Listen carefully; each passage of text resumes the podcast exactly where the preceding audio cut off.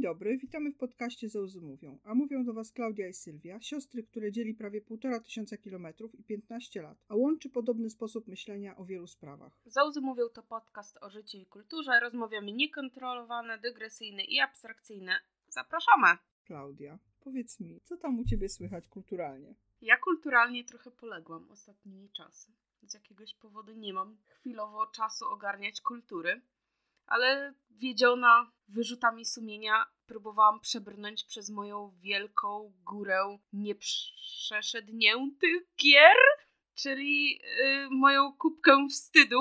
Obecnie gier mam około 30, których nie przeszłam, a czasami zdarza mi się kupić nowe, więc ostatnimi czasy w ramach oszczędności przestałam. No i teraz zabrałam się za grę, którą kupiłam jakiś czas temu, chyba na jakieś urodziny samej sobie i nazywa się ona Republik. Generalnie no, polega głównie na tym, że się skradamy, ale fajne ma backstory, bo główna bohaterka ucieka w jakiejś, z jakiejś takiej szkoły, która jest bardzo w stylu George'a Orwella i jego roku 1984, czyli wielki brat nas ciągle obserwuje. Trzeba się dużo skradać. I generalnie jest dużo zakazanych książek, zakazanych treści, cenzury i w ogóle najbardziej mnie na razie fascynuje postać głównego złola, na którego jak się patrzę, to cały czas mi pikselizuje jego twarz. A dlaczego?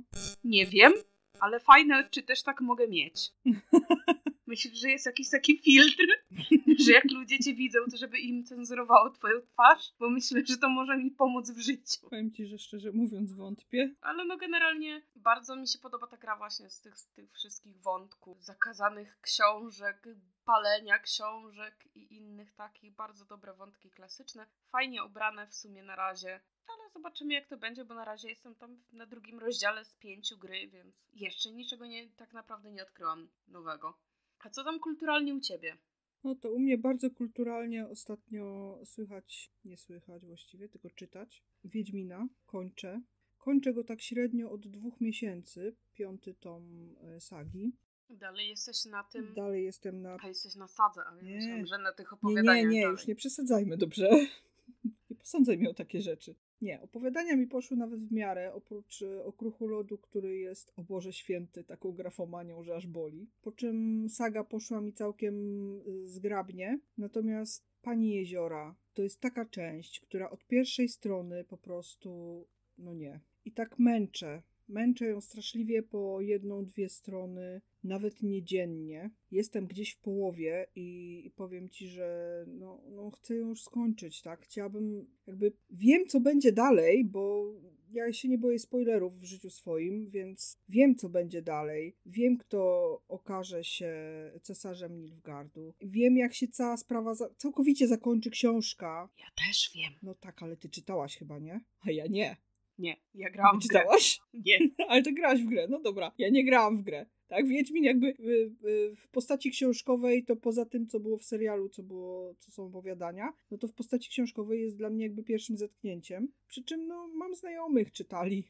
Słuchałam omówień spoilerowych, wszystkich tomów. Ja wiem dużo rzeczy, natomiast kurde, no nie mogę przez to przebrnąć i to jest straszne dla mnie, dlatego że cała książka mi się fajnie czytała, a tutaj po prostu Andrzeja poniosło i to całkiem ostro i po prostu, no nie. Nie wiem, jak to będzie dalej i czy ja w ogóle to przeczytam, bo ja przez miesiąc w ogóle tej książki w ręku nie miałam, dlatego że leżała i patrzyłam na nią ze wstrętem, a potem stwierdziłam, że nie, no nie, stara, jesteś w jednej trzeciej, no wypadałoby skończyć, no przebrnęłaś przez tyle tomów, dawaj. No i tak męczę teraz codziennie po, albo co drugi dzień po, po stronie czy po dwie, bo, bo nie jestem w stanie po prostu więcej naraz przeczytać tego, bo mózg mi twierdzi, że no nie będzie tego przetwarzał. To ja tak nie mam, ale rozumiem, ponieważ ja teraz postanowiłam wrócić do Magnusa Chase'a i bogów Asgardu, ponieważ no, pracuję na infolinii, coś muszę robić w życiu, poza siedzeniem, czekaniem na telefon, więc y, postanowiłam, że spróbuję, ale Ale dzisiaj ty tego nie czytałaś wcześniej? scrollowanie Face'a było fajne, fajniejsze. Ale ty tego nie czytałaś, bo mi się wydaje, że ty to czytałaś już chyba, nie? Chyba pierwszą część Ja zaczyna... Nie, ja zaczęłam pierwszą część, czyli Miecz Lata Mhm. w zeszłym roku w listopadzie. Długą przerwę miałaś. I tak mi świetnie idzie. Bardzo ciekawa książka, polecam. Ale co ci chodzi? Mi się podobało. Ja tam lubię Ricka Riordana. Zresztą masz te książki ode mnie pożyczone. Wiem, mam tę książkę od ciebie, raczej będzie to pierwsza i ostatnia część, którą będę próbować przeczytać. Ale tak. Ja przeczytałam wszystkie trzy. Emin, może się wciągnę pod koniec pierwszej części. Nigdy nie mów nigdy, jak mówił zeszły odcinek.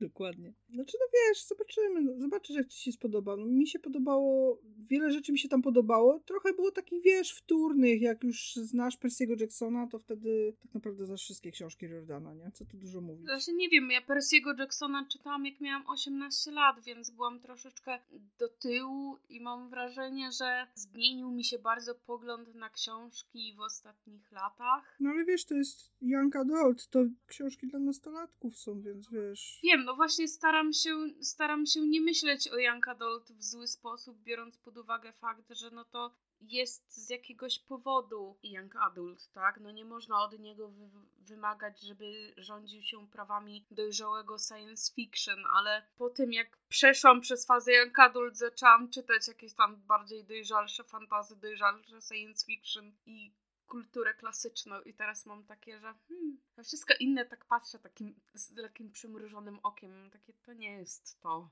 Dobra, wiesz co, nie chciałabym ci przerywać po chamsku, ale chciałam powiedzieć, że zostawmy ten temat, dlatego że mamy w planie e, omówienie... Miały być dygresje. Będą, ale mamy w planie omówienie mrocznych materii Pullmana i, i to się świetnie wpisuje w Young Adult. Ale nie, to jest w ogóle... Ale to jest też Young Adult, to, nie, sobie to sobie o tym pogadamy. Gatunek, nie, to jest, to jest osobny gatunek książki, nazywa się gatunek. Shit Książka.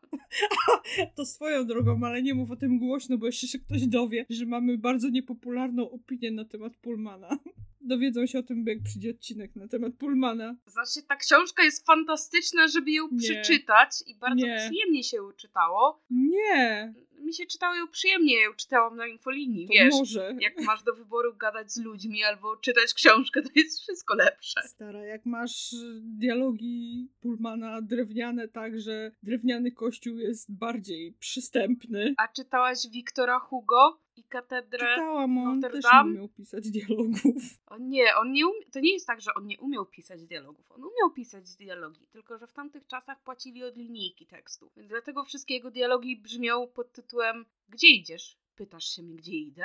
Tak, pytam się ciebie, gdzie idziesz. Idę do katedry do jakiej katedry idziesz? Bo tam było tyle katedr. I tak dalej, i tak dalej.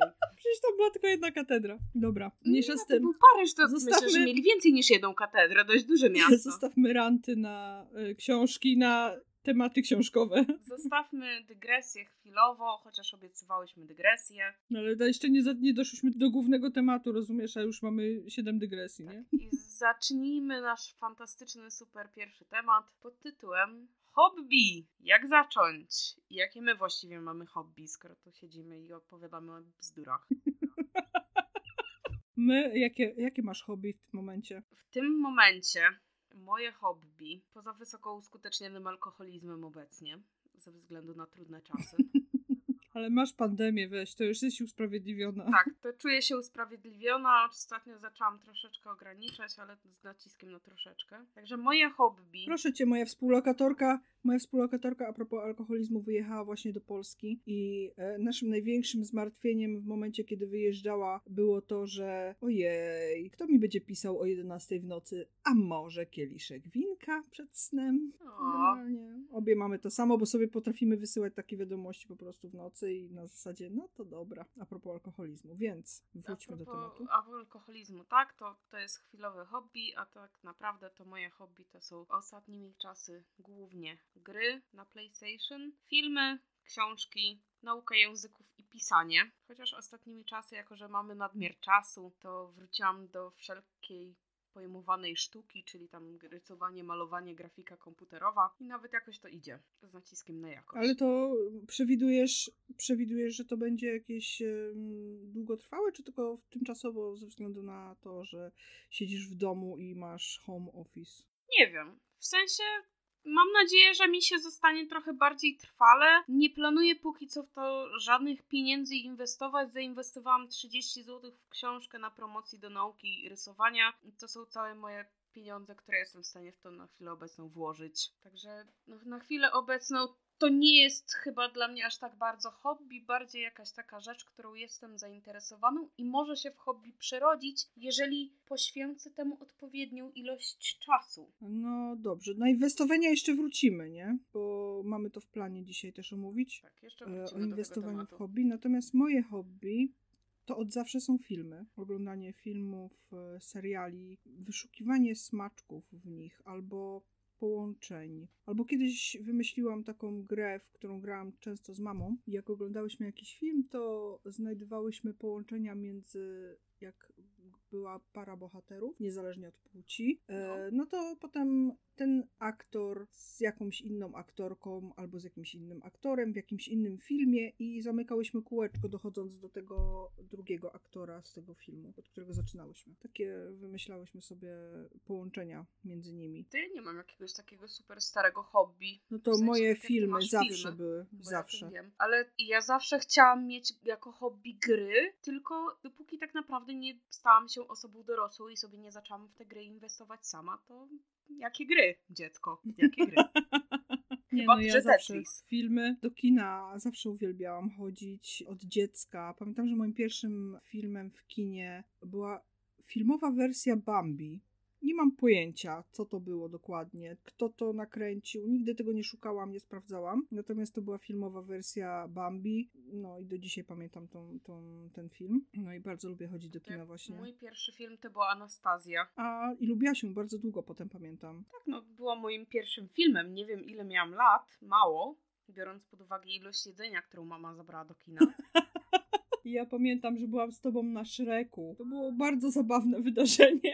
Tak. I to był pierwszy film, po, na który poszłam po Anastazji chyba. W sensie taki, że wcześniej nigdy mnie nie miałam takiego, że chcę iść do kina, ale jak zobaczyłam tego Shreka z jakiegoś powodu, mój mózg miał takie Shrek, Shrek, Shrek, Shrek. I przez trzy dni chyba nie mówiłam o niczym innym. A Pamiętam. mieliśmy kino studyjne, więc ono wypuszczało film raz No o konkretnej godzinie, Tak. a potem nara nie było więcej, więc w dzień, kiedy przyszedł Shrek i zbliżała się godzina Shreka i ja miałam takie coraz większe taką depresję. Pamiętam jak ty powiedziałaś, chodź, pójdziemy do babci. I ja się na ciebie spojrzałam takim wzrokiem zbitego psa, z takim jeszcze śmiesz mnie dobijać, Brutusie.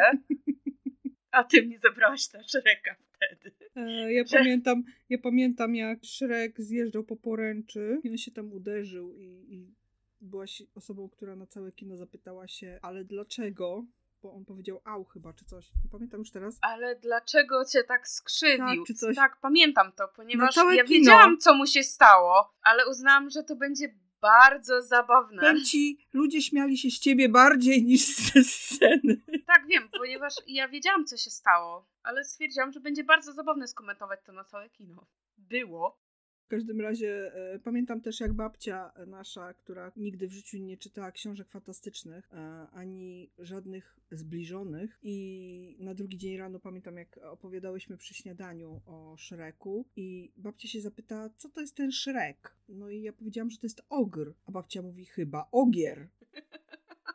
Ja tego nie pamiętałam. I to też było zabawne, powiem Ale ci. babcia zawsze miała najlepsze teksty. Babcia tak, babcia jak z czymś wyszła, to potem wszyscy płakali. Pamiętam jak Seweryn raz spadł z kanapy z, po tekście babci naszej. To ja pamiętam, jak, nie wie, ja, nie- jak ja nie wiedziałam, czy mam wyjść z pokoju, czy usiąść i się rozpłakać. Nie wiem, czy ze śmiechu, czy z żalu, ale y, babcia chciała do ciebie zadzwonić z komórki i wyświetlał się komunikat, że nie masz pieniędzy na koncie. I mówię, babci, nie doładowałaś sobie telefonu, nie masz pieniędzy, żeby zadzwonić do Sylwii. Babcia na to, ale mama wczoraj była w bankomacie i wybrała 600 złotych, jeszcze jakieś pieniądze tam są. I ja miałam takie, o Boże, ratunku. W końcu jej dałam chyba mój telefon, żeby do ciebie zadzwoniła, bo miałam takie, co się stało. Dobra, wró- wróćmy do tematu, bo to jest kolejna dygresja. Oj tam, oj tam. E, więc moimi hobby, oprócz filmów, jest też czytanie, chociaż ostatnio bardzo zniechęcona jestem przez e, Wiedźmina. Jest pisanie, do którego wróciłam po, nie wiem, sześciu latach przerwy. No to miałaś dłu- długą, długą przerwę. No, długą przerwę miałam w pisaniu, Trochę naprawdę. ci się objawiały jakieś takie chwilowe pisania. No, coś tam, coś tam pisałam, ale takie pierdoły same i zupełnie nic, nic konkretnego i dopiero tak naprawdę w, dwa lata temu w październiku e, wróciłam do pisania. Wszystko przez to, że przeczytałam opowiadanie i stwierdziłam, że e, lepiej bym potrafiła. Tak trochę z przekory napisałam opowiadanie i, i tak już stwierdziłam, że ojej, zapomniałam jakie to fajne i wróciłam do pisania z powrotem. Nadal to uskuteczniam dość intensywnie ostatnimi czasy. Pisanie jest fajne. I moim hobby jest też planowanie różnych rzeczy, na przykład budżetu, również własnego. Ty jesteś psychopatą, jeżeli chodzi o planowanie budżetu. To nie jest hobby. O co ci chodzi? Widziałaś moją To jest tabelkę? jakiś stopień upośledzenia. Ale o co ci chodzi? Ja wiem, na co wydałam każdy jeden grosz. Znaczy pens właściwie. Ale co za różnica? W każdym razie... Ostatnio, ostatnio przyszła i miała takie 30 pensów zgubiłam. No dobra, no ale znalazłam, tak? Ogarnęłam, gdzie je wsadziłam. Wszystko umiem znaleźć, no i lubię planować różne rzeczy. Aczkolwiek jestem też, bywam też spontaniczna. Może nie jestem jakoś super spontaniczna, ale bywam spontaniczna. Na przykład ostatnio na randkę poszłam No z rodzinę i bycie spontanicznym to nie jest chyba w ogóle cecha. Poszłam na randkę ostatnio bardzo spontanicznie, ponieważ byłam umówiona na randkę w piątek, po czym okazało się, że nie mogę iść w piątek, bo coś tam. Aha, bo miała być bardzo zła pogoda, a ponieważ jest teraz wszystko pozamykane, więc mieliśmy iść na spacer. No więc skoro miał padać deszcz, to stwierdziliśmy, że dobra, to nie. To pójdziemy w sobotę, bo będzie, nie będzie padał deszcz, będzie słońce. A to była środa, chyba, albo wtorek, jak była ta rozmowa, po czym stwierdziliśmy 15 minut później, że a po co czekać do soboty? Idziemy teraz. I godzinę później byłam na randce, która miała się odbyć za parę dni, nie? Więc Teraz Bywam kończąc dygresję i wracając do hobby. Tak, więc bywam spontaniczna, ale uwielbiam planowanie. Uwielbiam mieć wszystko zaplanowane. Poranki, pamiętam jak e, jeszcze e, mieszkałam w Polsce, poranki miałam zaplanowane co do minuty. Wiedziałam, ile czasu mogę stracić na to, na tamto, na siamto, żeby o której godzinie wyjść idealnie co do minuty z domu. I tu mam tak samo. Może to faktycznie jest jakieś zboczenie. Właśnie sobie to uświadomiłam, że to chyba nie jest całkiem normalne. Nie, ja rano muszę mieć bardzo dużo swobody, w sensie bardzo dużo czasu. Wstawałam z tak z godzinę wcześniej niż musiałam, tylko i wyłącznie po to, żeby móc posiedzieć przed komputerem jak zombie, mając takie mm, spałabym jeszcze. A później przyszła dorosłość. Jeśli chodzi o hobby, to ostatnio też słucham podcastów. Bardzo mnie to bawi, bardzo mi to sprawia dużo radości, ale o podcastach powiem kiedy indziej. Ach, i zupełnym przypadkiem, nie mam pojęcia mm, na jakiej zasadzie działa algorytm na Instagramie. Dostałam powiadomienie, że taki to a taki artysta ma swoją stronkę, może byś chciała go polajkować. No i miałam takie, że o mój Boże, toż ja się w nim kochałam jak miałam 11 lat. Strasznie, nad życie, brałabym wtedy. No chyba byś nie brała. Miałaś 11 lat, to już nie wiedziałam, to jest wybranie. No dobra, ale wiesz, na zasadzie takiej, że no nie, stara, to w ogóle był, w ogóle moje pierwsze fanfiki tworzone w głowie, to były właśnie z tym gościem, nie? 11 lat miałam, przypominam. Były bardzo grzeczne rzeczy, ale jednak, no, brałabym. No, tylko może nie w takim sensie. No i właśnie em, jedną piosenkę jego znałam tylko. Jedną, jedyną, taką bardzo sztandarową, dlatego że no, to były czasy, kiedy nie było internetu, więc można było słuchać tylko z kaset, z płyt. Nie wiem, czy już wtedy płyty były. Chyba nie. Chyba jeszcze były wtedy tylko kasety, nie? Tak mi się wydaje. Ja jeszcze na kasetach No i to, co w słuchałam. telewizji puszczali i w radio. Radio się u nas w domu za bardzo nie słuchało, więc e, tylko to, co w telewizji. No i generalnie jedna jego piosenka była taka sztandarowa i, no i miałam strasznego, na, strasznego crusha na tego człowieka. No i właśnie teraz nie wiem na jakiej zasadzie został mi przypomniany na Instagramie i miałam takie, mmm, Zobaczmy, co się z nim działo przez te lata. Po czym weszłam na Spotify, znalazłam go, przesłuchałam sobie y, część jego płyt, zaczęłam od najnowszej i cofałam się wstecz. I powiem ci, że no, no, niezły jest. Dalej robi wrażenie i dalej jest niezły. Daje radę, gościu. I słucham jego płyt ostatnio dość często. Sobie go polajkowałam na Spotify'u. Także tak, hobbystycznie wracam do starych crashów. Nie do wszystkich, ale, ale do, Ja nie do mam części. jakichś takich starych crashów, do których wracam. W sensie albo czegoś słucham cały czas przez te ileś tam lat, albo po prostu odpływa to w jakieś odmęty, najczęściej playlisty, którą mamy ustawioną jako party playlist i na tej playliście mamy wszystko I czasami się włączy jakieś, jakieś piosenki, które nigdy nie powinny ujrzeć światła dziennego. A dopiero przy ludziach, którym chcemy zaimponować gustem muzycznym. Z drugiej strony... A to tak jest przeważnie. Wiem, że to jest pokoleniowe, ty tego nie będziesz rozumieć, bo nie słuchałaś tego zespołu, ale za moich czasów, jak się słuchało Tokyo Hotel, który ja lubiłam osobiście, to wszyscy, którzy mówiłeś, że słuchasz Tokyo Hotel, mieli takie fuj, Boże, Tokyo Hotel, kto tego słucha? A teraz ci sami ludzie przychodzą do nas na imprezy i włącza się na playliście Tokyo Hotel i wszyscy mówią, o Tokyo Hotel, Boże, milion lat tego nie słyszałem. Ależ ja doskonale wiem, co to jest Tokyo Hotel, ponieważ ty tego słuchałaś i ja to pamiętam. I może nie jestem fanką, ale dawali radę, pamiętam, że tam nie było tak tragicznie. No ale mi chodzi o samo zjawisko bardziej niż jakiś taki ten konkretny zespół. Po prostu zespół, który kiedyś był nie, a teraz wszyscy mają o. Z moimi kraszami, w cudzysłowie, to jest tak właśnie, że z tymi starymi, że no jak wspominam, że mm, taki to a taki piosenkarz, popowy przeważnie, to takie he? He? Kto? Także wiesz, no bywa. No ty miałaś jakiś czas przez Kelly Family. Nie przypominaj mi o Kelly Family. Opuśćmy zasłonę milczenia. Tak, a teraz przejdźmy z powrotem do naszego tematu. tematu głównego. Czy masz jakieś hobby, które nie przetrwały próby czasu? Na zasadzie bardzo byłaś na to napalona, byłaś gotowa w to inwestować, Oj. wszystko super, pięknie, Oj, tak. I czy jakieś nie przetrwało? Oj, tak. Rzeczą, w którą zainwestowałam najwięcej pieniędzy i która mi się nigdy tak naprawdę nie zwróciła, to była biżuteria z koralików, którą robiłam namiętnie przez po około roku. No więc, żeby zacząć, musiałam jakby zainwestować w materiały, w narzędzia, te koraliki, które, o mój Boże, ja to jestem sroka, więc jak wchodziłam na te strony, co sprzedawali koraliki, to ojej, ojej. Pamiętam. Ojej, po prostu brałabym wszystko, co tam mieli Byłam bardzo niezadowolona, że musiałam się ograniczać ze względów budżetowych. Natomiast no, po jakimś tam roku przestałam to robić. To się chyba zbiegło w czasie z urodzeniem mojej córki, że po prostu przestałam mieć na to czas, żeby zajmować się. To jest jednak dość drobna robota, która no, potrzeba na to czasu, tak? To nie jest tak, że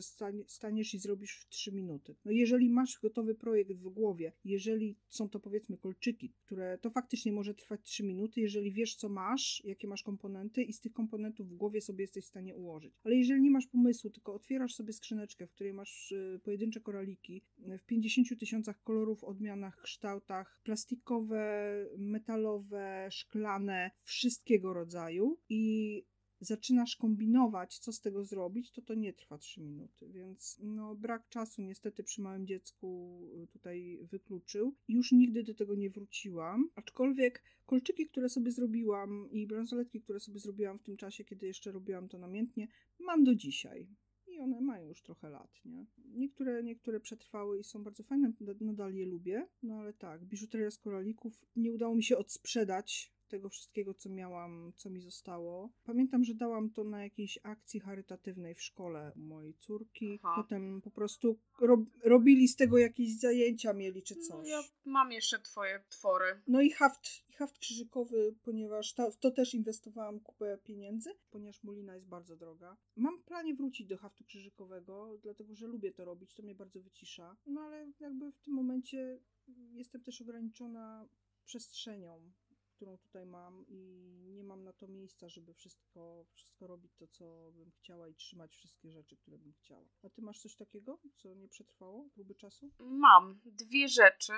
Pierwsza to jest fotografia, na którą bardzo byłam zafiksowana przez lata, tak naprawdę. I zastanawiam się, z czego to wynikało. Czy to z tego, że nie mogłam po prostu się w tym realizować, bo nie miałam funduszy na to, żeby kupić sobie tak naprawdę aparat, czy przez to, że po prostu byłam taka uparta, że bardzo, bardzo, bardzo bym chciała. Jak kupiłam tak naprawdę swój pierwszy profesjonalny aparat, czyli taki, że ma wymienne szkła, jest taki już że można nim konkretne rzeczy zrobić, to w ogóle nie mam do tego cierpliwości, w ogóle nie mam do tego chęci. I tak naprawdę leży ten aparat i prędzej zrobię jakieś zdjęcia iPhone'em niż wyjmę aparat, żeby z nim robić jakieś zdjęcia. No dobra, ale masz taką myśl, że kiedyś może do tego wrócić? Nie. Aha. Ja wiem, że to jest raczej już to, do czego nie wrócę. Prędzej będę robiła już, jakbym miała coś nagrywać, to prędzej bym sobie zainwestowała w jakiegoś lepszego iPhone'a albo jakiś lepszy telefon z lepszymi kamerą, bo pewnie są lepsze kamery niż iPhone ma. Ale raczej nie wrócę do tego na takiej zasadzie, żeby nosić ze sobą kurczę pół kilo sprzętu mhm. inne takie rzeczy. Po prostu już mnie to aż tak bardzo nie kręci. I jak bardzo dużo się naczytałam o fotografii i dużo wiem o fotografii, to nie czuję tego tematu w ogóle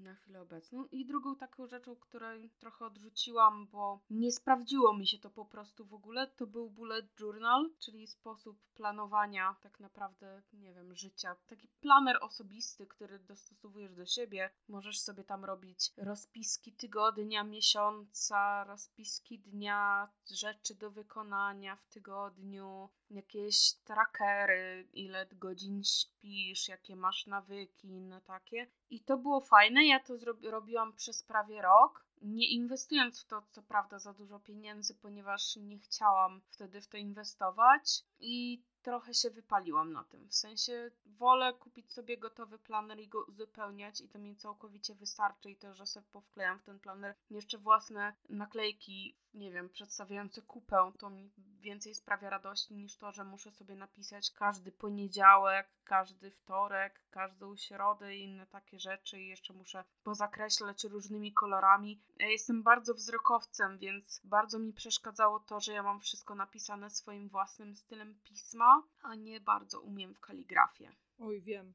Nie przeszło to niestety. Z drugiej strony mam od dwóch lat kalendarz z jednej firmy, który mi się sprawdza i który sprawia mi radość i wystarcza na chwilę obecną. Raczej nie wrócę do bullet journalu też, ponieważ jakbym chciała wracać, to już bym chciała wracać z tymi wszystkimi washi tape'ami i wszystkimi naklejkami własnymi, a uważam, że to jest mnóstwo pieniędzy, które mogę tak naprawdę spożytkować lepiej niż na konsumpcjonizm. Znaczy ja sobie kupiłam bullet journal tylko dlatego, że podoba mi się idea tego, że tam są kropeczki, a nie krateczka albo linie. I mean, to jest coś, co każdy powinien spróbować moim zdaniem. Ale, ale nie prowadzę tego jako... Jak komuś się to spodoba, to super. No super, tylko ja nie prowadzę tego jako bullet journalu, tylko mam, to jest, mam po prostu, to jest mój notatnik, gdzie notuję sobie różne rzeczy. Staram się jakby to też mieć uporządkowane tam w tym notatniku, nie notować wszystkiego wszystkiego byle jak i byle gdzie, ale nie prowadzę takiego typowego bullet journalu i nigdy mnie to nie fascynowało. Fajne to jest. Fajnie się, fajnie się o tym czyta i fajnie się to ogląda na zdjęciach, że ktoś to robi, ale powiem Ci szczerze, że chyba by mi się nie chciało. No mi się właśnie nie chciało. Jak na innej zasadzie troszeczkę planuję wszystkie rzeczy, więc... Jeden miesiąc tak naprawdę zrobiłam tak szablonowo, bullet journalowo, tak jak ludzie robią. Miałam, pamiętam wtedy motyw kosmos bodajże, więc sobie na pierwszej stronie pięknego, wypasionego kosmonautę. Jak robiłam sobie tracker nastroju, to sobie zrobiłam hełm kosmonauty z pękniętą szybą i każdy kawałek pękniętej szyby to był, wiesz, inny dzień. Także taki wypaśny sobie ten miesiąc zrobiłam. Siedziałam wtedy w pracy, pamiętam, a ja nie mam zbyt ambitnej pracy. Moja praca polega na odbieraniu telefonów i rozmawianiu z ludźmi, więc miałam dużo czasu. Zrobiłam wtedy pamiętam to przez całe 8 godzin siedziałam i dłubałam ten projekt i ten jeden miesiąc. I to był ostatni miesiąc, który zrobiłam w tym bullet journalu. No to ci powiem, długo wytrzymałaś. Tak bardzo mnie zniechęciła ilość pracy, którą trzeba włożyć, jak chcesz, żeby to wszystko ładnie wyglądało. I bardzo dużo osób przeglądało ten zeszyt i mówi takie, ale ty ładnie robiłaś, jaką ty miałaś do tego cierpliwość. A ja się patrzyłam na te bazgroje i miałam takie, ale gówno. A jak zrobiłam jeden miesiąc, który mi się podobał, to miałam takie, narobiłam się kurczę jak górnik na wykopach. I mam takie, nie wiem, nigdy więcej, nie? Dziękuję bardzo. To ja sobie kupię następnym razem gotowy notes, powpisuję rzeczy i będę równie zadowolona i będzie wszystko równiej. To ja mam taki notes co roku, mam planer taki roczny i spokojnie sobie z tym radzę i nie, nie, bullet journal jako bullet journal, nie? Kupiłam go dla notatek po prostu, bo podoba mi się, że w środku ma kropeczki. Dobrze, a jakie hobby chciałabyś rozwinąć? Jeszcze, ale takie, co chciałabyś zacząć? Mam jeszcze w planie y, naukę języków, powrócić do tego i rozwinąć to i faktycznie zrobić to do końca, bo o, moje piąty raz zaczynany francuski po prostu boli mnie w serce. Japoński po raz dwunasty. Wiem, ty masz tak z japońskim. No. no więc właśnie, chciałabym strasznie wrócić do nauki języków i rozwinąć to do tego stopnia, żeby faktycznie skończyć któryś z tych języków, który e, sobie zaczęłam dawno temu. Ja nie jestem okropna w francuskim, aczkolwiek mm, książki bym nie przeczytała po francusku. Ale tak, żeby pojechać i dogadać się w kraju i, nie wiem, zamówić nam jedzenie i pokój w hotelu, spoko, to na takim poziomie jeszcze umiem. No, zobaczymy, czy będę miała na to. Muszę, musiałabym usiąść i sobie rozplanować dobrze czas. Jestem trochę wkurzona, dlatego że w tym roku y, wszystko mi się poprzesuwało. Miałam w planie dużo rzeczy mm, do zrobienia, rozwijanie też y, siebie i przez to, że mamy lockdown i generalnie nic nie można, e, no to strasznie mi się wszystko poprzesuwało, więc y, w związku z tym nie zaczynam nowych rzeczy, dlatego że chciałabym wrócić do swojego planu w momencie tylko, kiedy będzie taka możliwość. Okay. A ten plan przewiduje, że nie będę miała wolnego dnia przez rok, więc y, no już czasu na, myślę, że moja doba też ma tylko 24 godziny i jakby nauka języków musi poczekać. Są jeszcze, jest jeszcze taka rzecz, na którą mnie nie stać, którą chciałabym, żeby była moim hobby. Y, przez krótki okres czasu była y, i to jest, są podróże. Fascynują mnie podróże do różnych miejsc, zwiedzanie generalnie. Bardzo chciałabym zobaczyć wiele miejsc na świecie, mam długą listę. Część zobaczyłam zupełnym przypadkiem, nawet nie próbując jakby tego robić, tylko przypadkiem tak się stało, że byłam w, tych, w tamtych okolicach, więc zobaczyłam. Przez 4 lata mieszkałam, nie licząc tego okresu, kiedy jestem tutaj, wcześniej, przez 4 lata mieszkałam za granicą w różnych miejscach w Europie i bardzo mi się to podobało. Podobało mi się to, że mogłam poznawać obce e, kultury, że wszędzie gdzieś byłam, liznęłam trochę języka, to też jest fajne, bo potem na przykład zdarzyła się taka sytuacja, że byłam w Paryżu i na e, schodach któregoś kościoła, już teraz nie powiem którego, było dosyć dużo ludzi i tych języków tam się przewijało mnóstwo i okazało się, że mniej więcej łapię, o czym ludzie mówią w większości z nich. I to było dla mnie zaskoczenie totalne, bo szłam i ludzie mówili, ja słyszałam, że mówią innymi językami, natomiast byłam w stanie mniej więcej sens wyłapać, o co im chodzi, nie? Jak mówili. Więc to było takie fantastyczne, dlatego też nauka języków jest czymś, co mnie fascynuje. No i właśnie chciałabym pozwiedzać trochę świata, zobaczyć parę miejsc i nie stać mnie na to, więc to jest hobby, które nie wiem, czy kiedykolwiek dojdzie do skutku. Na chwilę obecną nie. A ty masz coś takiego? Mm, ja mam też dwie rzeczy. Zacznę od tego, co ty powiedziałaś, czyli podróże. Chociaż tak naprawdę u mnie na razie podróże się ograniczają do Polski. W sensie, no oczywiście będę jeździć sobie tam do ciebie, do Londynu. Być może się za jakiś czas tam przyniosę, kto wie. Niezbadane są ścieżki losu ale tak naprawdę stwierdziłam, że chyba czas trochę bardziej poznać własne państwo, bo kurczę, mamy bardzo dużo rzeczy, które ludzie z zagranicy podziwiają, a ja nigdy nie widziałam. Na zasadzie w tym roku po raz pierwszy byłam w Warszawie i po raz pierwszy byłam w łazienkach których pamiętam od dziecka mówiłam, że chciałabym mieć ślub i jak szłam do łazienek, to gdyby nie to, że byłam tak zmęczona, że chętnie, najchętniej ja bym się w tych łazienkach położy, położyła na podłodze i miała spanko, to generalnie prawie że mną trzęsło, bo miałam takie, a jak będzie chujowo i jak nie będzie ładnie, to co ja zrobię? Całe marzenia z dzieciństwa zginęły. Ale okazało się, że jest ładnie, jest fantastycznie i generalnie widziałyśmy te łabędzie, i widziałyśmy pawie i widziałyśmy kolorowe kaczki. I fajnie było tam pójść też z osobą, która całe życie spędziła w Warszawie, więc mogła mi powiedzieć, jak to wyglądało z perspektywy takiego człowieka, który tam dorastał i który na przykład tym miejscu na Starym Mieście się spotykali ludzie zawsze na jakieś randki, albo tutaj zawsze się chodziło w łazienkach na jakieś schadzki z ludźmi i ja miałam takie wow. W sensie to zaraz dodaje jakiejś takiej prawdziwości tym miejscom. No i też drugą rzeczą, którą planuję rozwinąć, aczkolwiek średnio mi to idzie, to jest są kulinaria, czyli gotowanie.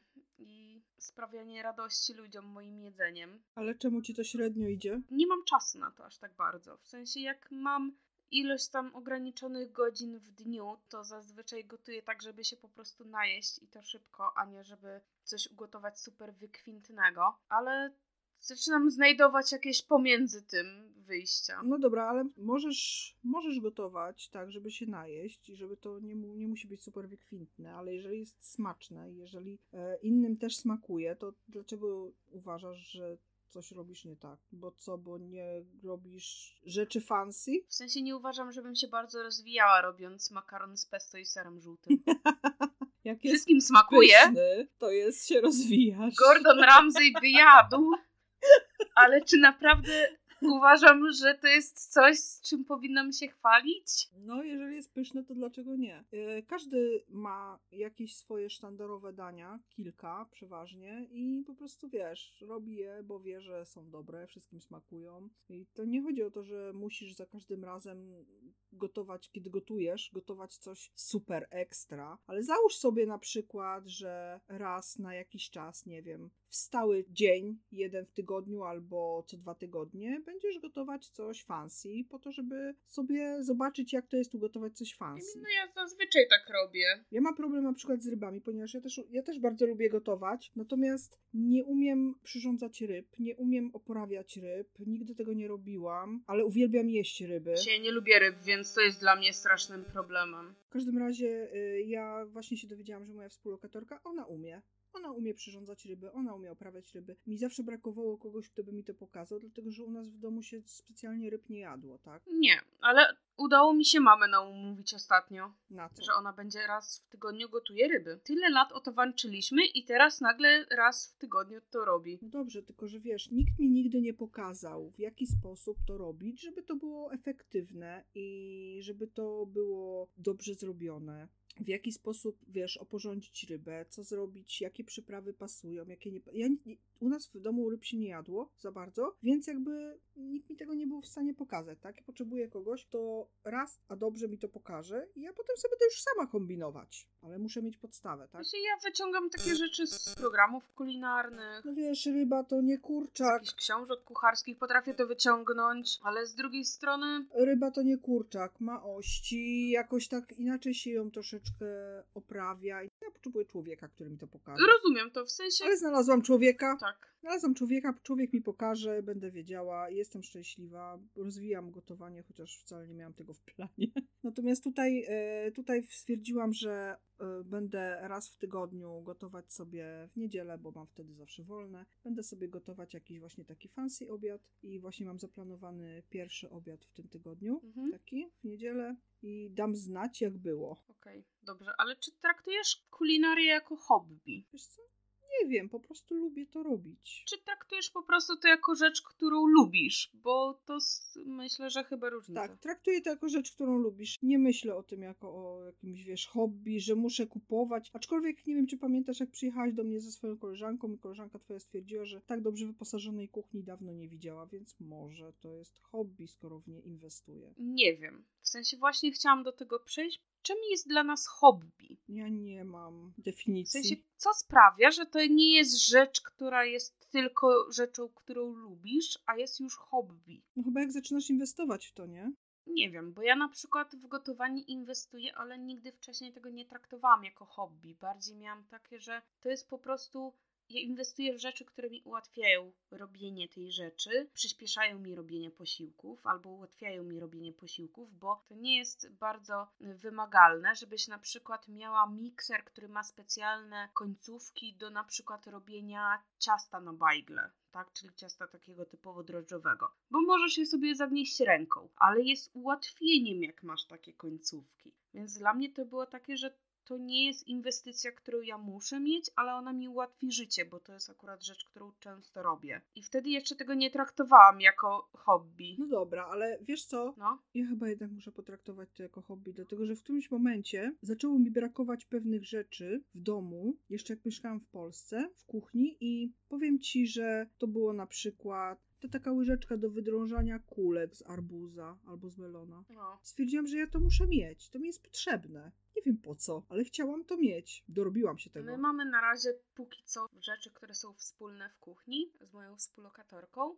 i ostatnio namówiłam ją na zrobienie wspólnej listy zakupów na Google na zasadzie na takie rzeczy, które nie są nam zupełnie potrzebne, bo to są rzeczy, bez których da się zupełnie obyć, Mhm. ale są takimi fajnymi rzeczami do kuchni. Na zasadzie mamy zapisane już silikonowe albo metalowe szczypce do mięsa, bo mamy plastikowe i one się trochę topią przy zetknięciu na przykład z kamieniem. Kamień do pizzy też nie jest zupełnie potrzebny tak naprawdę na co dzień w kuchni. No nie. I silikonowy pędzelek do rozsmarowywania jajka, albo tłuszczu. To jest akurat... Bardzo potrzebne rzeczy, nie? Takie gadżety. Ale to jest akurat potrzebne, o co ci chodzi? Nie, w sensie tak Silikonowy pędzelek jest niezbędny. nie. Mam dwa. Tak naprawdę to nie. Ja jak rozsmarowuję na cieście, to robię widelcem. Jak rozsmarowuję w misce, to robię ręcznikiem papierowym. Też dają radę. Okej. Nie, no wiem, że dają radę. Ale jakbyśmy miały silikonowy, Okej. to wiesz o co Dobra. chodzi, nie? Jestem zboczona, ja mam dwa. I mean, no ja mam dwie chochelki, bo ta pierwsza nie była za bardzo. Rozumiem. No dobra, jesteśmy obie dziwne. To już ustaliłyśmy w pierwszym odcinku, nie? Tak. Ustaliłyśmy to już dawno. A teraz może zacznijmy od tego, jak właściwie powinno się zacząć swoje hobby. Jak właściwie znaleźć, Bo może ktoś nie wie. jak znaleźć, co jest twoim hobby. Bo na przykład moja przyjaciółka ostatnio, jak rozmawiałam z nią właśnie na temat hobby, że będziemy taki temat omawiać w podcaście, to mówi do mnie, wiesz co, ja nie wiem, co jest moim hobby. I powiem ci, usiadłam i wyliczyłam jej tak od ręki, rzeczy, które ja uważam, że są jej hobby. To, co ona lubi robić, o czym rozmawiamy, o czym mi się chwali, że to jej wyszło, tam to jej wyszło. I ona mówi tak, faktycznie, to chyba jest moje hobby. I ona nigdy w życiu się nie, nad, tym nie zastanawiała, lubiła to robić, tak? Inwestowała w to nawet pieniądze jakieś tam, w różne, bo to bo są różne rzeczy. I była zaskoczona tym, że można to nazwać swoim hobby. Ludzie często nie mają w ogóle pojęcia, jaka jest definicja. Ja też nie wiem, jaka jest definicja, ale jak to ugryźć temat w ogóle. Właśnie, no mi się właśnie dlatego wydawało, że definicja jest ważna. Masz definicję? Mam taką jakby definicję, co dla mnie jest hobby. W sensie dla mnie hobby jest czymś, kiedy już inwestuję w to czas, który mogłabym spędzić na robieniu niczego albo na spanku. I kiedy inwestuję w to środki, które mogłabym wydać na jedzonko albo na rzeczy, które są mi też potrzebne, jak na przykład ubrania, Mhm. ale wolę zamiast ubrań sobie kupić coś, żeby rozwijać się w danym kierunku. I kiedy też nie czuję przymusu, żeby coś robić. Bo na przykład z pisaniem, ty mówisz, że pisanie to jest dla ciebie hobby. Dla mnie pisanie jest bardziej zajęciem, którym ja widzę przyszłe, powiedzmy, profity albo przyszłą jakąś zysk. Czy to nawet samo, taki samozadowolenia, czy cokolwiek, ale widzę jakiś zysk z tego. Mhm. A ty piszesz po prostu dla samej przyjemności pisania. No jakby nie jestem tą stojem i jestem z tego świadoma, więc Tak, jakieś tam przyjemności w stylu ktoś cię pochwali tak z tego przychodzą, no ale to piszesz to bardziej dla swojej świadomości. Ja piszę dlatego, że później jak wysyłam to ludziom, to wszyscy mówią, ej, super, kiedy publikacja. Ja mówię, hmm, powiem ci, że to po to to, się, po to to siedzę zrobię. Dlatego to dla mnie nie jest hobby na przykład. Przy moim ostatnim opowiadaniu, tym, które teraz piszę w odcinkach i publikuję w, w sieci, dostałam też pytanie dwa razy, kiedy publikacja i miałam takie, co? To jest fanfic, tego nie będą publikować, nie? Ale było to, było to miłe i... Nie można. Przez prawa autorskie. Tak, oczywiście. Było to miłe i sympatyczne, powiem ci szczerze. Znaczy, generalnie e, zajęłam się troszkę pisaniem fanfików, wróciłam trochę do pisania fanfików po to, żeby rozwinąć swoje umiejętności, no bo kurczę, do pisania czegoś poważnego jest mi jeszcze bardzo daleko. Ja sobie zdaję sprawę z mojej ułomności pod tym względem. Natomiast tak, moim marzeniem życiowym od y, chyba szóstego czy siódmego roku życia jest napisać książkę i wydać ją. Dobrze by było, jakby była poczytna. Mhm. Może nie musiałaby być bestsellerem, ale dobrze by było, jakby była poczytna. No, Więc, y, więc generalnie tak, chciałabym trochę podszkolić swój, y, swój warsztat. Mam pomysł na, na coś większego, ale jeszcze go dopieszczam, już go tak dopieszczam drugi rok, bo stwierdziłam, że no jeszcze za słabo się czuję i nie czuję tego na tyle mocno, żeby móc To napisać tak- cokolwiek. nie wiesz, jak bardzo ci to się rozwinie, jak będziesz to pisać, ponieważ ja moją książkę zaczęłam oj, trochę czasu temu, jak szłam na studia Oj, to kawałek. i do dzisiaj ją jeszcze tworzę. I rozumiem tak naprawdę, dlaczego ludzie tak naprawdę zaczynają tworzyć książki po trzydziestce. Bo im bliżej się tej trzydziestki zbliżam, tym bardziej widzę tą taką ścisłość, do której tak naprawdę kiedyś dążyłam i nie zawsze mi to wychodziło i trochę się jeszcze rozmywało, bo może nie do końca byłam tak ukształtowana, jak sobie lubiłam wyobrażać, że jestem. Okej. Ale no tak, to generalnie to wracając do sedna, ja uważam, że dla mnie pisanie nie jest hobby. Dla mnie to jest sposób na powiedzmy wyrażanie siebie na życie. To nie jest coś, co uważam za jakąś taką przyjemność. Ja od dawien dawna już nie siadam do pisania na zasadzie, że a teraz sobie podpiszę dla relaksu, tylko mam takie, że dzień dobry, dzisiaj jest nowy dzień, muszę napisać trzy strony i dopóki nie napiszę tych stron, to nie, nie ruszę stąd dupy, więc... Wiesz co, teraz jak... Trochę inne podejście mam wrażenie, że jest przy hobby.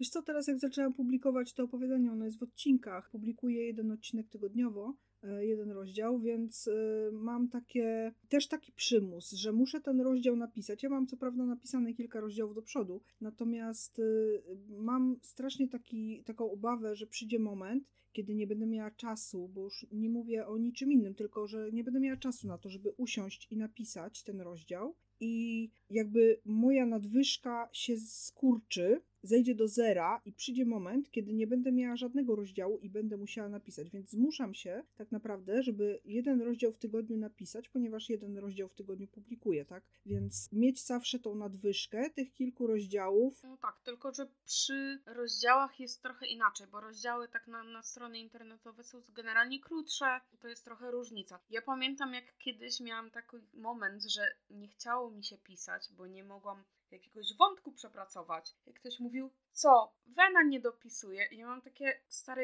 Co to jest wena? Wena to jest luksus, który mają ludzie, którzy się nie zajmują pisaniem profesjonalnie. Jeżeli zaczynasz myśleć chociażby o pisaniu w jakikolwiek profesjonalny sposób, a zakładamy, że jeżeli już zaczynasz publikować swoje teksty na internecie jako nawet fanfiki, no to już myślisz o tym, że kiedyś chciałabyś coś tam profesjonalnie napisać. Tak, dokładnie. To już przestajesz żyć w tej takiej ułudzie, że wena.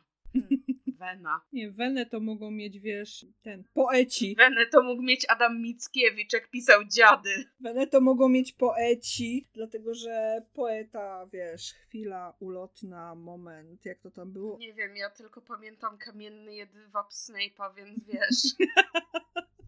Każdym razie tak, e, pisanie, jeżeli się już zaczyna pisać i się wie o tym, że się będzie pisało, no to jednak jest jakieś wymuszanie, ale dla, dalej sprawia mi to na tyle dużo fanu, że uważam to za hobby. No bo dopóki tak naprawdę nie zacznę pisać tej książki i będę pisała te fanfiki, to dalej to będzie dla mnie hobby. No bo nie ma z tego profitów, tak? No ktoś mnie pochwali, bo mu się podoba fajnie, ale jakby, no okej, okay. tylko mu się spodobało i tyle. No. Także jeżeli szukamy swojego hobby, wracaj. Dobrze, to jak ty znalazłaś Wracając swoje do tematu. Jak ja znalazłam swoje hobby? Właśnie wróciłam. Wiesz co, e, jeśli chodzi o pisanie, to w piątej klasie podstawówki mój nauczyciel kazał nam napisać wiersz. To było zadanie domowe. Napisałam swój pierwszy wiersz w życiu i stwierdziłam, że ojej, to jest takie łatwe, to jest takie fajne, to mi sprawia tyle fanu. I zaczęłam pisać wiersze. Nienawidzę. I zaczęłam pisać wiersze. Pisałam ich strasznie dużo. Ostatnio znalazłam swój zeszyt z wierszami, jak byłam w Polsce i miałam takie, o mój Boże, Jakie to jest straszne. Ale okej, okay, od czegoś trzeba zacząć. Wyobraź sobie na przykład takiego Adama Mickiewicza, który się przynosi do naszych czasów i odnajduje jakieś wiersze, które są uważane teraz za kanon polskiej literatury, kanon poezji polskiej. On otwiera i ma takie, o Boże, jaki suchar, nie? Ja, co ja piłem, jak to pisałem? No mniej więcej, w każdym razie tak, tak to się stało. Zaczęłam e, od wierszy, potem zaczęłam pisać jakieś opowiadania. Dopiero całkiem niedawno zdałam sobie sprawę, że tak naprawdę pisałam fanfiki w momencie, kiedy jeszcze słowo fanfic w Polsce nie istniało. I to było bardzo dawno temu. Generalnie tak, to co nas, to co nas nakręca, co nas fascynuje, to co lubimy robić, to można podciągnąć pod hobby, tak? Nie zawsze ludzie sobie zdają sprawę z tego, że to już jest hobby. A ty jak znalazłaś swoje hobby? Ja nie wiem, jak znalazłam swoje hobby. W sensie zawsze byłam tymi rzeczami otoczona i chyba w momencie po prostu, w którym ktoś, nie wiem, nasze, moje pokolenie, mam wrażenie, bo jestem troszeczkę młodsza mimo wszystko od ciebie, jest bardzo takie nastawione na samo definicję siebie. Jest takie, że totalnie musisz się zdefiniować i wiesz, były takie lata powiedzmy nastoletnie, kiedy wszyscy próbowali się zdefiniować jako coś tam albo coś tam i byli ludzie, którzy są zainteresowani sportem, albo byli ludzie, którzy są zainteresowani tym, czy tamtym, czy siamtym. I ja pamiętam, że na mnie zdefiniowano wtedy jako takiego sztuko zainteresowanego człowieka i tak dalej. Później się to po prostu rozwinęło na jakieś takie, aha, i na książkowego nerda oczywiście, no bo ja to tylko z nosem w książce chodziłam, zresztą jak cała nasza rodzina, więc jakoś tak się przykleiło i zostało, ale na przykład pamiętam, że w nastoletnich latach bardziej miałam takie, że jestem zainteresowana muzyką, a teraz mam takie, że lubię słuchać muzyki, w ogóle nie jest to moim hobby i żadnym zainteresowaniem to nie jest. Takie, że mm, nie. No ale też mam takie, że dużo słucham innych ludzi. Ale słuchałaś jakiej, na jakiej zasadzie? Że co, że co oni ci mówili? No, na zasadzie, że co oni lubią. Nie, co oni mówili o tym, że co oni lubią i później potem, co, jak słuchałam, że coś jest fajne, to miałam takie, to może ja spróbuję i okazywało się, że albo tak, albo nie. Tak, to jest też dobry sposób dla ludzi, którzy w ogóle nie mają pojęcia, jak zacząć szukać swojego hobby. To jest właśnie rozmowy z innymi ludźmi, tak? Którzy mają jakieś swoje za zainteresowania i mówią, co im pasuje, co im się podoba, co robią. No i wtedy można spróbować też, bo chodzi też o próbowanie. Próbowanie różnych nowych rzeczy. Moja koleżanka e, robi e, kartki okolicznościowe. Powiem Ci szczerze, zrobiłam mm, w życiu swoim dwie kartki u niej będąc. Stwierdziłam, że no piękne to jest. Piękne rzeczy wychodzą. Jest to fascynujące. Trzeba by byłoby zainwestować na początek trochę kasy w to. To trochę odrzuciło mnie z początku, ale potem stwierdziłam, tak jak wróciłam do domu, usiadłam i zastanowiłam się, że mm, ale aż tak bardzo mnie to nie fascynuje, żeby to zaczynać. Jest po prostu fajna rzecz, ale no nie. Ja pamiętam kartki okolicznościowe, jak weszły. Pamiętam, że jak one weszły i ja się tym zainteresowałam, to to były czasy, kiedy to dopiero tak naprawdę wchodziło, ale tak, że jeszcze nie dało się nic z tym w Polsce zrobić. Więc tak naprawdę, jak próbowałam cokolwiek z tym zrobić, mając te 17 lat, to jeszcze nie dało się za bardzo. To z moją współlokatorką, pamiętam, zaczęłyśmy kręcić z tymi rzeczy i nic nie wychodziło, bo nie dało się kupić żadnych materiałów. No. I później parę lat, jak spotkałyśmy w Empiku cały dział poświęcony robieniu kartkom, to ja siedząc z nią na telefonie miałam takie i popatrz, za naszych czasów to takich rzeczy nie było. Czekaj, za naszych czasów. za naszych czasów dwa lata temu. Także były bardzo różne, ciekawe momenty, ale no, robienie kartek też nigdy nie zostało moim hobby, chyba i nigdy nie zostanie, bo posiadam wspomnienie o tym na jakiejś granicy świadomości, nie mam czasu w życiu na więcej rzeczy. Także tak, próbowanie nowych rzeczy. Jeśli chodzi o próbowanie nowych rzeczy, to ja próbowałam bardzo wielu rzeczy. Rzeczą, do której chcę wrócić, którą na razie przerwałam, głównie ze względu na to, że tutaj nie mam miejsca na przechowywanie wszystkich rzeczy, które są do tego potrzebne, jest szycie, ponieważ zaczęłam szyć, nie wiem, z bardzo głupiego powodu, jak, jak wszystkie moje hobby właściwie właściwie. To tak samo było z haftem krzyżykowym. Haft krzyżykowy zaczęłam tak, że ponieważ nasza sąsiadka, tam gdzie mieszka nasza mama, robiła obrazy haftem krzyżykowym i kiedyś jeden mi się bardzo spodobał i zapytałam jeszcze, nie wiem ile miałam wtedy lat, 16. Zapytałam się jej, ile by trzeba było jej zapłacić za taki obraz. No to jak mi zaśpiewała cenę, nie pamiętam teraz jaką, ale e, była przerażająco wysoka, to stwierdziłam, że e, to ja się nauczę i se zrobię. No i się nauczyłam. Aha. Obrazu co, co prawda nie zrobiłam takiego, robiłam inne rzeczy. I zamierzam do tego wrócić, bo bardzo to lubię. Natomiast no, na takiej zasadzie, że e, to ja się nauczę, bo coś tam, to zaczęłam większość hobby, tak? Próbowałam różnych rzeczy i właśnie na takiej zasadzie, nie? Tak samo było z szyciem, ponieważ chciałam, coś chciałam, żeby mi ktoś uszył. I też cena za uszycie tego była jakaś taka tragicznie wysoka. I ja stwierdziłam, że tyle ludzi to robi, to nie może być takie trudne. I się nauczyłam. To ja się nie zgadzam. To jest bardzo to proste. Ja się totalnie nie zgadzam. A nie, Czekaj, wiem, wiem dokładnie jak to było. To było tak, że pojechałam do mamy i e, rozwaliłam sobie sukienkę. Tam nie jakoś bardzo, chyba ramionczko mi puściło czy coś, ale ja nienawidzę szyć ręcznie jak mam igłę wziąć do ręki, to mnie po prostu szlak trafia ciężki. Już teraz nie, bo już się przyzwyczaiłam, ale wcześniej tak było. I mamy wtedy nie było w domu. Ja zadzwoniłam do niej na telefon, żeby się zapytać, jak nawlec e, nitkę na maszynie, dlatego że była nienawleczona, bo chciałam sobie to przyszyć. Przyszyłam sobie to ramionczko na tej maszynie i stwierdziłam, że e, to jest proste, to się da nauczyć. No i się nauczyłam, nie? No, Ja nigdy się nie nauczę szyć. Nie ma szans. Etam. Ponieważ Ja bym cię nauczyła. tak, tak samo mówiłaś, jak ostatnim razem kazałaś mi szyć prostą linię. Zrobiłam ci w zygzak. Oj, tam nie przesadzaj. Na początku też szyłam zygzakiem, chociaż miało być prosto. W każdym razie, I to nie był ściek, tylko po prostu tak trzymałam materiał. tak, w każdym razie ja nie czuję się na szycie, nie kręci mnie to, nie sprawia mi to przyjemności. Generalnie raczej nie. No okej, dobra. Dobrze, skąd wiedziałaś, kiedy już zaczynałaś swoje hobby, No. że warto w nie zacząć inwestować pieniądze? Pomijając te hobby, które wymagają inwestycji na start, typu jakieś koraliki, inne rzeczy, gdzie musisz mieć rzeczy na start. Problem z moimi hobby jest taki, że no te, które mam obecnie, to nie, ale te wszystkie, które próbowałam, w większości wymagały jakichś inwestycji na dzień dobry. Do biżuterii z koralików musiałam kupić koraliki i narzędzia. Do szycia musiałam mieć maszynę do szycia, która jest najbardziej drogą rzeczą. Tak mi się wtedy wydawało, a potem zaczęłam kupować materiały. He.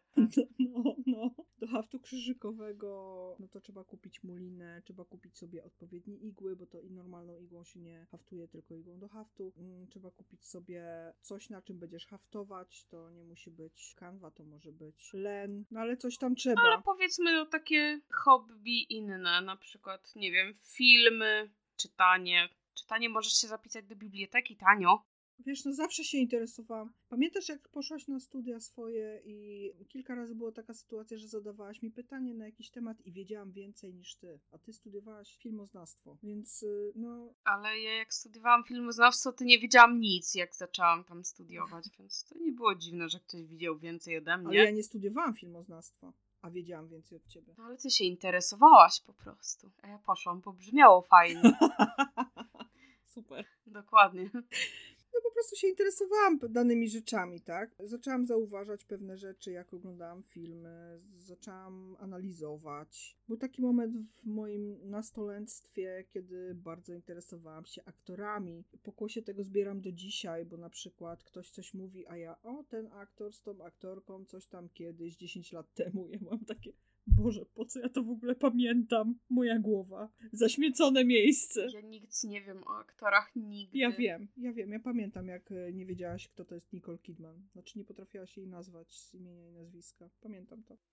Wiedziałam, kim ona jest. Po prostu nie miała dla mnie imienia i nazwiska. Ale teraz już ma. Tak, teraz się już nauczyłaś, tak?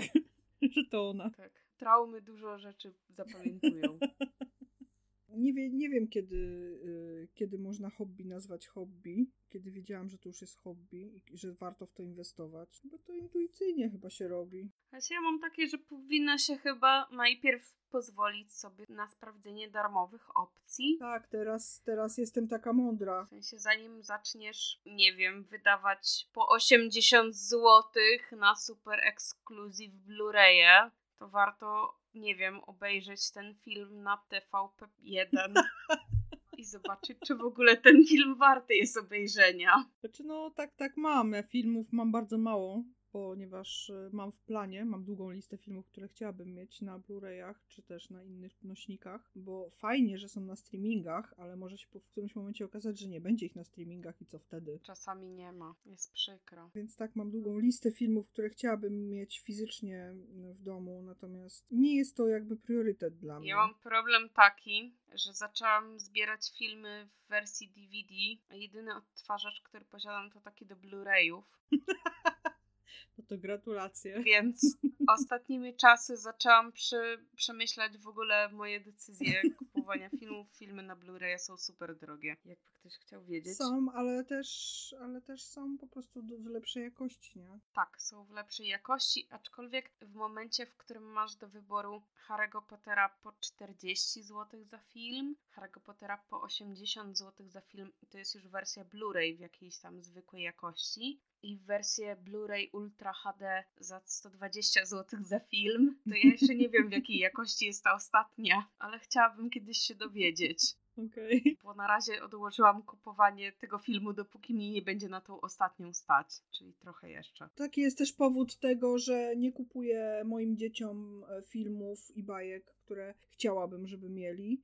No, mają w wersji DVD część tych bajek, głównie bajki Disneya. Natomiast na przykład Harry'ego Pottera nie mają na płytach, dlatego że no, chciałabym im kupić już te Blu-ray. A chwilowo nie jest to priorytet, no, więc drogo. jeszcze nie. No, na pewno się ucieszą, zwłaszcza moja córka, bo jest fanką Harry'ego. Tak. No ale no, mam to w planie. Młody jest jeszcze za mały. No jest jeszcze za mały. Jeśli mam jeszcze takie jakieś info, żeby zacząć kupować może od tańszych rzeczy, a później iść w te droższe. Ponieważ no jeżeli... Wiesz co, to też nie zawsze się sprawdza. Zależy, w sensie no to... Dlatego, że czasami te tańsze i te droższe różnią się od siebie tak drastycznie, że czasami się nie opłaca iść w te tańsze, bo są na tyle słabsze jakościowo na przykład, że po prostu kupowanie tego jest stratą pieniędzy. Lepiej odłożyć i kupić od razu coś droższego. Ale w jakiej tak naprawdę kategorii ty myślisz? No na przykład właśnie DVD Blu-ray. No ale to tak naprawdę to tak, no ale to wiesz, ale tu mówimy już o kolekcji, tak? Bo odtwarzacz Blu-rayów, odtwarzacz DVD mniej więcej jest w tej samej cenie, więc jeżeli chodzi o kolekcji, no to tak jak na, tak naprawdę to już mówimy o kolekcjonowaniu rzeczy, tak? To tak naprawdę do rozwijania hobby nie jest nam potrzebna płyta DVD ani płyta Blu-ray, tylko tak naprawdę książka, która opowiada o tym filmie prędzej. Tak, to też prawda. Książka, są blogi, są jakieś inne kanały na YouTubie, które mówią o filmach i warto je przeglądać, słuchać, czytać, oglądać. Interesowanie się daną rzeczą to nie tylko oglądanie filmu. Tak, a ja miałam na myśli na przykład, jeżeli chodzi właśnie o te inwestycje, to takie rzeczy typu na przykład właśnie jak w rysunek inwestujesz, tak? Jasne, możesz sobie kupić najdroższy tablet graficzny, kupić sobie iPada z rysikiem i kupić sobie programy za 200 zł każdy, a możesz też tak naprawdę zacząć od darmowych programów, kupić sobie najtańszy tablet za 200 zł, który też się sprawdzi i na tym sprawdzić, czy w ogóle ci to pasuje, czy właściwie będziesz na to poświęcać czas, czy będziesz to robić, czy, czy ma to sens dla ciebie. Dobrze jest. Czy warto w ogóle w to inwestować? Tak, dobrze jest w momencie, kiedy się zaczyna czymś interesować, dobrze jest e, poszukać sobie w sieci grup ludzi, którzy się tym zajmują, żeby e, pogadać z nimi, posłuchać tego, co mają do powiedzenia, bo oni też się znają. Są w stanie doradzić, od czego zacząć, albo jak zacząć, żeby się szybko nie zniechęcić, bo to też jest częste, że zaczynamy coś i zniechęcamy się. Tak na przykład było z blogowaniem. Nie wiem jak u ciebie, ale u mnie. Blog, zaczynałam blogowanie trzy razy w życiu i trzy razy w życiu ten blog został przeze mnie porzucony. Do jednego planuję wrócić, ale nie wiem kiedy to nastąpi. Zaczęłam o tym przemyśliwać jakiś miesiąc temu. Być może wrócę do niego, być może nie. Natomiast co mnie zniechęciło, to to, że przede wszystkim założenia, tak? Jeżeli masz, e, piszesz na przykład bloga, który jest tematyczny, no to to, że nie możesz się wypowiedzieć na żaden inny temat, no bo to jakby już jest dygresja. Jeżeli masz bloga tematycznego, to raczej dygresje nie są wskazane. No, raczej nie. Nieczęste dygresje w każdym razie. A wszystkie moje blogi były tematyczne. Ten jeden był taki powiedzmy ogólnożyciowy, ale też był bardziej taki rodzinny niż ogólnożyciowy założenie, jak często piszesz. Jeżeli piszesz na blogu codziennie, albo raz w tygodniu, albo co drugi dzień, no to trzeba ta regularność, trzeba wiedzieć, że znajdziesz na to czas. Jeden z moich blogów był blogiem ślubnym, który wymagał ode mnie dużego researchu. Wiem, bo ja ci później przy nim pomagałam. Więc e, wpisałam um, posta raz w tygodniu, bo musiałam się do tego przygotować, poszukać zdjęć, poszukać różnych materiałów i tak dalej. To zajmowało strasznie dużo czasu, pomimo tego, że raz w tygodniu tylko publikowałam ten ten post, to przez cały tydzień tak naprawdę przygotowywałam się do napisania tego posta, no bo oprócz tego, że e, pisałam e, bloga, to jeszcze miałam normalne życie rodzinne, które też zabiera czas. To też wsparcie innych osób wokół tak, ciebie. Tak, to Czy też. masz na mhm. to zaplanowany okres czasu, który robisz? Tak, to też. Najlepiej właśnie znaleźć grupę osób, które robią to samo albo coś podobnego i znaleźć wsparcie w nich do robienia tego, co robisz, co chcesz robić, czy co próbujesz robić. Dlatego że to daje dużą motywację do tego, żeby nie przerwać w połowie, tylko dalej iść do przodu. No, ja na przykład do blogowania nigdy się nie przekonałam tak naprawdę. Próbowałam parę razy, ale to mam wrażenie, że było bardziej takie pokoleniowe, że po prostu modne było mieć bloga i tak naprawdę nigdy mi to do końca nie sprawiało przyjemności, bo o ile chciałabym mieć jakieś takie swoje miejsce w sieci, gdzie mogę wyrażać swoje własne opinie, tak nie wiem, nie przekonuje mnie fakt, że miałyby te opinie być nagle super bardzo bardziej znaczące niż opinie innych ludzi. I wiem, że no teoretycznie blogowanie na tym się opiera, że właśnie uznajemy, że nasze zdanie jest na tyle ważne, żeby mieć własny kont w sieci, ale ja zawsze miałam takie, że a, a może to nie jest aż takie ważne. Więc jakoś tak nigdy się do tego nie przekonałam tak naprawdę do końca. Nawet miałam taki blog, który odnosił swoje sukcesy, bo wypromowałam go tak jakby poprzez znajomość z inną dziewczyną, która też była bardzo wtedy popularna, więc miałam po jakieś 20-30 komentarzy pod postem i to na samym początku bloga, a jakoś nie potrafiłam mimo wszystko go utrzymać jako blog, który chciałam prowadzić. Brakowało mi do niego motywacji. Publikowanie nawet tam tych dwóch postów tygodniowo sprawiało, że po dwóch, trzech tygodniach miałam już takie, że mm, nie chce mi się. Zrobiłabym kurczę cokolwiek łącznie z gapieniem się w sufit poza siedzeniem i edytowaniem tekstu. Prokrastynacja. Poza tym mam wrażenie, że trochę też źle się opierałam na złych wzorcach. Na zasadzie opierałam się na wzorcach ludzi, którzy piszą już powiedzmy 2-3 lata i oni potrafią na spokojnie wycisnąć z siebie tekst, który ma 2, 3, 4 strony A4, a ja jak wyciskam jedną, to czułam się taka mega dumna. Po czym patrzyłam na te inne blogi, które piszą takie super długie notki i miałam takie mm, no trochę marnie, nie? Powiem Ci, że był taki moment w moim życiu, kiedy czytałam trochę blogów i mimo tego, że były osoby, które pisały długie notki i te osoby bardzo lubiłam w pewnym momencie i bardzo lubiłam czytać ich notki, to jednak zawsze miałam takie, że okej, okay, ale to przeczytam później, muszę znaleźć na to czas, bo ta notka jest długa. A były blogi, które miały notki krótkie, właśnie, jakieś takie wiesz zwięzłe i te czytałam po prostu. Stawałam i czytałam, gdziekolwiek. Dlatego, że masz krótką notkę, to wiesz o tym, że dowiesz się czegoś, coś tam da ci to do myślenia i masz na to czas, bo to jest naprawdę dosłownie 10 minut. No tak. Jeżeli masz notkę na 4, 5, 10 stron A4, no to wtedy wiesz, że musisz przeznaczyć na to pół godziny. No bo nie dasz rady po prostu tego przeczytać, skupić się na tyle i potem jeszcze mieć czas na to, żeby to przemyśleć. Ale to nie jest tak naprawdę zawsze. To chyba zależy od zaangażowania tak naprawdę w to. Pewnie tak. Bo wiele razy miałam tak, że na przykład filmy, które na YouTubie trwają 10 minut, dłużyły mi się bardziej niż jakiś film,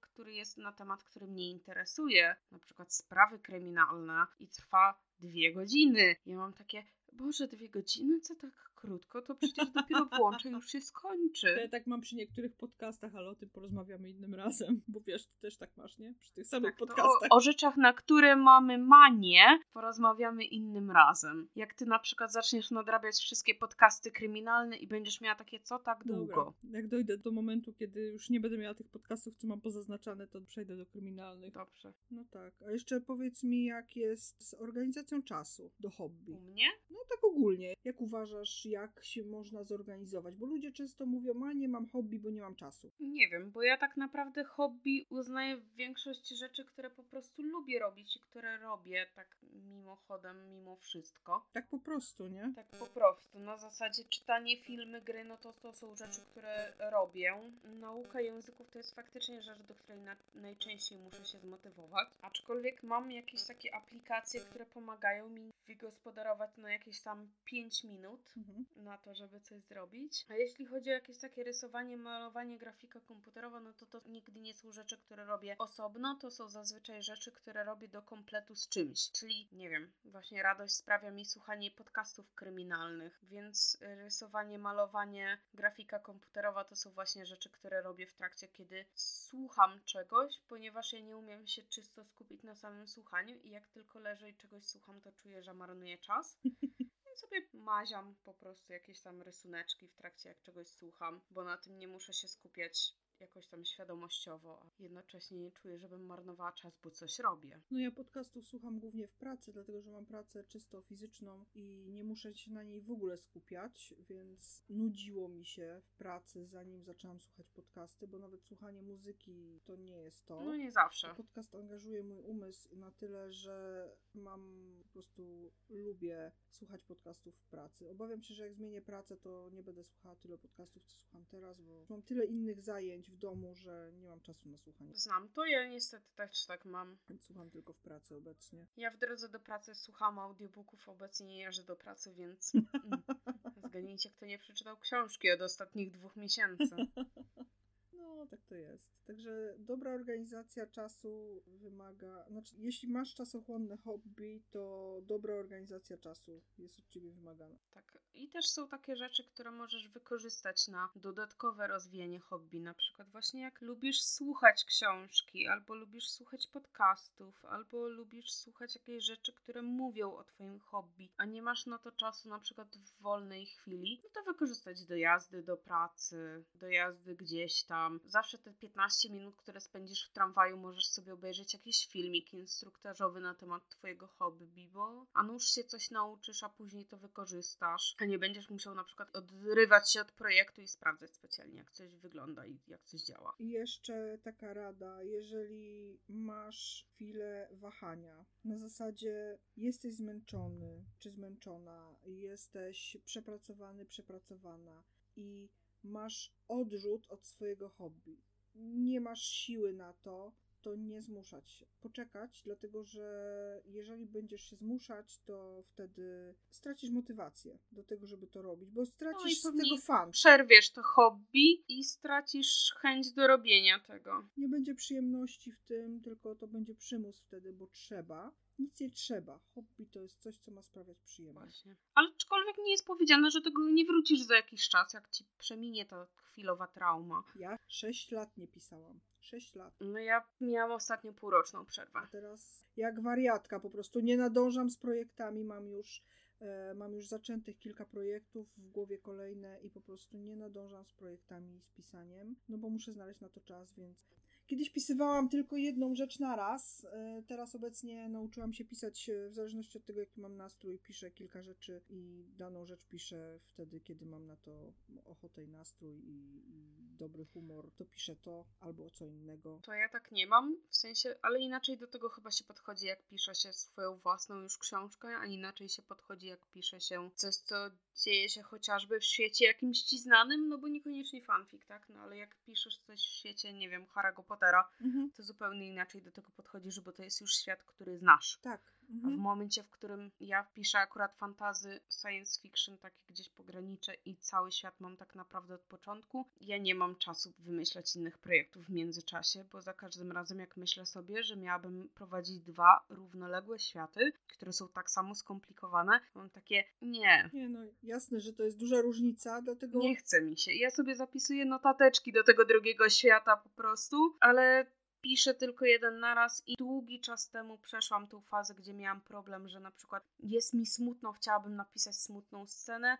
Nie, po prostu patrzę się, co mam zapisane w rozpisce, co jest kolejne. Okej, okay, dobra, przełączamy przycisk w głowie i idziemy pisać inną rzecz. E, nie, no jasne, że to jest dużo łatwiejsze pisanie fanfików w światach, które już istnieją jest dużo prostsze, dlatego że no nie musisz wymyślać całego świata, możesz po prostu skorzystać z tego, co ktoś wymyślił, więc jakby tutaj to jest przeskakiwanie między projektami w takiej sytuacji jest dużo prostsze. Jeżeli masz gdzieś tam świat, który sama musisz ustalić reguły, no to wrócimy do tego tematu, ok? Bo mamy też w planie opisaniu. Tak, wrócimy, na pewno. Opisaniu będziemy dłużej, więcej kiedyś. Ale jeżeli chodzi o jakieś takie zmuszanie się, jakieś wywieranie na sobie presji, że totalnie muszę coś osiągnąć w tym tygodniu, to nie, to dać sobie czas. Czasami na przykład warto, szczególnie na przykład z mojej perspektywy przy rysowaniu, cofnąć się te dwa kroki w tył, tylko i wyłącznie po to, żeby przy ćwiczeniu tych rzeczy, które już się 15 tysięcy razy przerobiło, okazało się, że nagle coś kliknie w głowie i coś ogarniesz bardziej i okaże się, że jak poszedłeś dalej do przodu, to po tym cofnięciu się 100 razy lepiej ci to wychodzi, bo nagle zacząłeś rozumieć, jak to działa. Więc warto,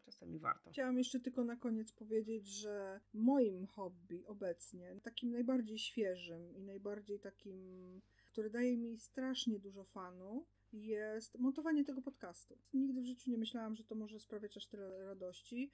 Mam z tego strasznie dużo takiego fanu totalnego, kiedy muszę wyciąć coś albo przesunąć coś. Mam takie, wow, umiem, udało się, fajne, fajne, więcej, więcej, więc tak. No, to mi sprawia przy fan. takich manualnych rzeczach tak jest bardzo dużo. To mi sprawia straszny fan i, i to jest mój najnowsze hobby, to jest właśnie montowanie podcastu. A, to ja może nie najnowsze hobby, ale takie najnowsze, powtórnie odkryte hobby, to mam takie, że jak wróciłam do grafiki komputerowej, to ja teraz bardzo dużo robię w grafice wektorowej. Wektorowa to jest taka grafika, że niezależnie, że możesz sobie całość grafiki zaznaczyć i zwiększyć do maksimum rozmiaru, minimum rozmiaru mm. i nie straci jakości pikseli, to przy tej grafice przez pierwsze dwie godziny robienia miałam takie, że jak trzy kreski postawiłam i były prosto, to miałam wow, magia.